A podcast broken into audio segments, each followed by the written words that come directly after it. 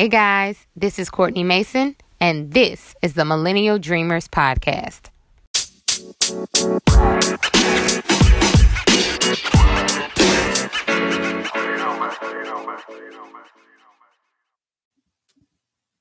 Hey, friend. Did you miss me? I want to say that I know the answer to that, but um, I had to ask the question anyway. And don't give me the side eye. I can feel it from over here. It has been a minute. I know it's been, it feels like nearly a month since I've recorded an episode.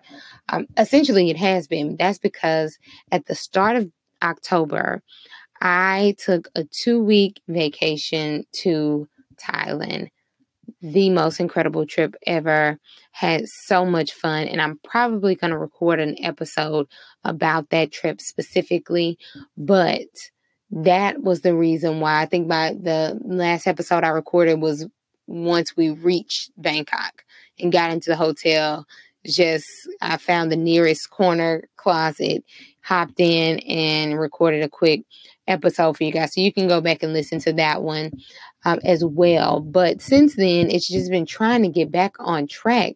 Thailand has a 12 hour time difference from us. And so when we were there, it was just kind of like trying to get over jet lag and get some type of schedule going. By the time we got somewhat of a schedule going, it was time to come back to the United States and readjust all over again. So, with that said, that's why I've been struggling to just sit down and record for you. But we're here now, so hey, all is well. Today's episode will be brief and you might hear some page turning because I do have my notes, but this one is a book review about one of my favorite books that I've read recently. I've talked about it before.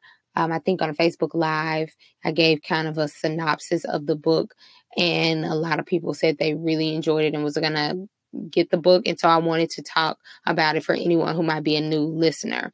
The title of the book is Ego is the Enemy by Ryan Holiday. And I first heard the title while listening to a podcast, and Ryan was on the show and he was giving some key points from his book. And so after I read it, I mean, there were so many aha moments within his conversation that I had to go out and get it. So I went to my library, of course, because let me tell you, I'm still a library book geek type of girl. One, I love the smell of the library and I love the smell of the books. And two, it's like free 99. I'm all about free. So before I go and buy a book, I will see if the library has it. They didn't have it, so I went to my local bookstore and got it. And the book is pretty small. It's um small enough to fit in your purse, ladies. Um, fellas, of course, it can't fit in your pocket, but you can. It's small enough to carry around with whatever uh, for the day if you want to like read it on uh, your lunch break or read it when you're flying or whatever the case may be. It is a smaller book, and so you know, I think it's easy to carry around. It's also a quick read for most people. Some people say that they can read it in a weekend. I'm not that fast of a reader. In fact, I'm about 80% done with the book. I started it last year. So I will pick up a book, put it down. Um, sometimes I have to commit myself to sit down and finish the book, but I've finished enough of the book to give you some key points and share with you some of the key points from the book. And so that's what I'll do. So we'll just hop right in. The book, of course, talks about ego, hence the title ego is the enemy. And so, what is ego? It's arrogance, it's entitlement, it's anything that makes us inflate ourselves and can essentially hinder our success. And the book is broken down into three parts aspiration, success, and failure. And Ryan notes that at any given time in our life, we will find ourselves at one of those stages, right? We're either aspiring to achieve something, we have achieved something or we have failed at something. And so he makes the point that ego is the enemy at each of those points, at each of those stages. It's the enemy of building what we aspire to build, maintaining the success that we've already achieved, or recovering from a failure that we have experienced. So, this book really seeks to show how we can humble ourselves in our aspirations and be gracious in our success and also be resilient through our failures. Ryan, he looks at different people from a historical perspective to illustrate his point. So, presidents or um, people that were in the armed forces who really made an impact or just individuals in his life or you know that he may have come across or CEOs and different people like that he used their stories to illustrate his point. And one chapter in particular, the second one is one of my favorites. It's called Talk Talk Talk. And in that chapter he basically is saying like hype has replaced action. And that is so true. We can see it in this kind of technological um, age that we're in. Specifically, I use social media um, and Facebook, for example. You get on Facebook, and the first thing they ask you when you get on your personal profile is, What are you doing? Or what are you thinking? And so, what you can do is that you can type out a few sentences or even a paragraph of some, whatever is on your mind. And if it's specifically about something that you aspire to achieve, you can get instantaneous feedback. I know I've done that several times. I might say something about, like, hey, what do you think about this? Or, you know, how would you like this product or service or whatever? And what will happen sometimes is that you put that information out there and people are dialoguing with you. They're giving you that feedback, telling you their thoughts and your mind starts to feel that you're making progress. And research shows that the more we talk about something, our psyche starts to believe that we're actually getting it done when that's not the case at all. Um, we're really just discussing the thing. And so, what the point that Ryan makes is that talking and doing fight for the same resources. And I was like, that is incredible. I'd never thought of it like that, but it's so true. Specifically, time. Talking and doing fight for the same resources.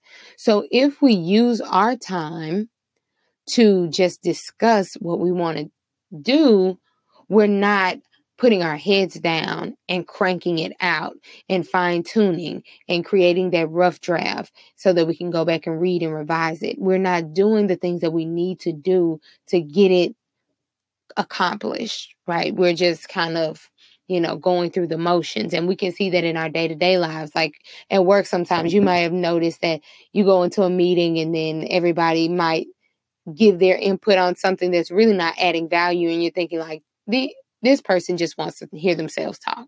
And what I really need to do is get out of this meeting so that I can get work get to work on the list of things that I have from our discussion.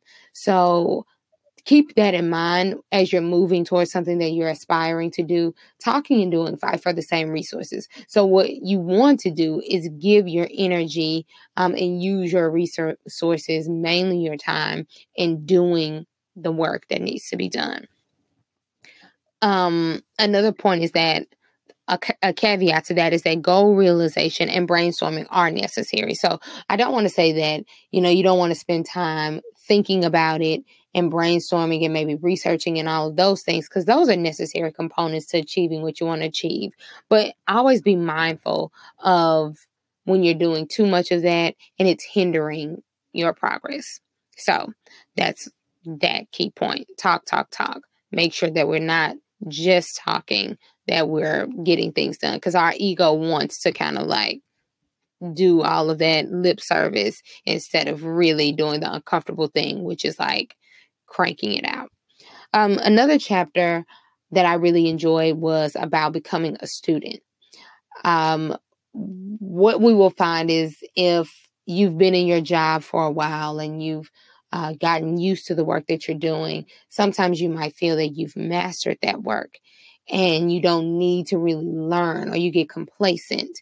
And so, what Ryan points out is that we should always be students. We should always be learning. And one way that you can check your ego and realize that you really need to always put yourself in a position to learn is be in a room full of people who know more than you.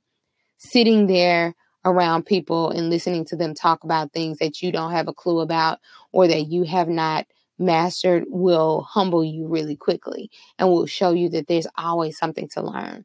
I think about my grandparents. Um, my grandfather is an avid reader.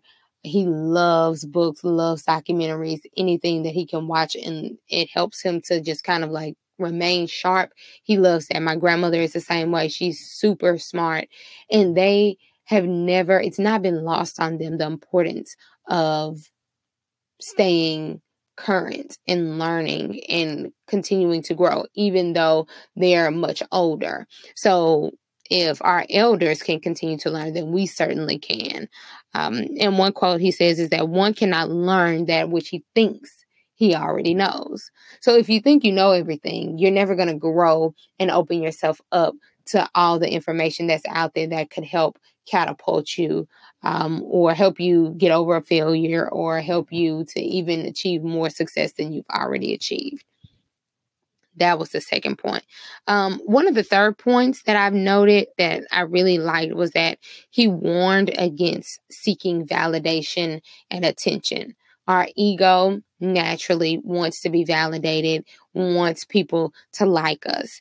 And so, with that, we don't want to make we want to make sure that we don't bring those um, thoughts and feelings into the work that we do because what will happen is it when you are seeking validation and attention, then it's really not about the work that you're doing and the impact that you're going to make, right? It's about being recognized. And it's about having people saying that you're so great and you're so smart and you're so wonderful. And one thing that he noted that I was like, ooh, that hits the nail on the head. He said that it impressing people is different from being impressive. I'll repeat that impressing people is different from being impressive. And I was like, that is a word because we can set our mind on being someone that's impressive that be or being someone that gets the limelight and the attention and have people tell us all these great and amazing things but are you really creating something that will stand the test of time, that will help someone, that will serve, you know, help someone with an issue that they might be having. Think about that. Like, we want to be doing the work that's actually impressive, that someone can say, you know, wow, this person was able to achieve this and it helped so many people, not necessarily looking for that validation. But when you do good work, those compliments are going to come anyway. So we need to set our sights on that versus letting our ego stay inflated. Um, so that was a great point as well. And really, those are three of the main points that um, throughout the book. I don't want to go into detail about everything because I think you will find more nuggets of wisdom by actually getting a copy and reading it and highlighting and just seeing all these different points that he's made will help you to also see, like, dang, ego really can be the enemy. It can be that thing that helps us achieve what we want to, or it can be a part of our downfall. And I never want that to be the case for myself. And so that's why I knew I wanted to read it. And once I did, it just it helped me to have a whole new perspective. And I think that you would truly enjoy it. Um, so I'm trying to do more of these where if there's a book that I feel inspired by and I feel that it motivates me and helps me to elevate myself, then I definitely want to share it with you so that you can get in on that as well. And so that's really all I have for today's episode. I told you I was going to keep it short. I didn't want to be long winded because, again, I'm getting back into the groove of it. But I also want to say stay tuned for the coming weeks. I have some really good episodes and interviews coming down the pipeline, so you don't want to miss that. But hey, ego is the enemy. Let's keep our ego in check. Let's elevate ourselves and operate from a place of excellence that um, doesn't involve, you know, puffing ourselves up, but involves doing the very best that we can in service of others so that we can achieve all the success that we know that we can. And without further ado, I'm glad to be back. And um, I will talk to you in the next episode. Peace.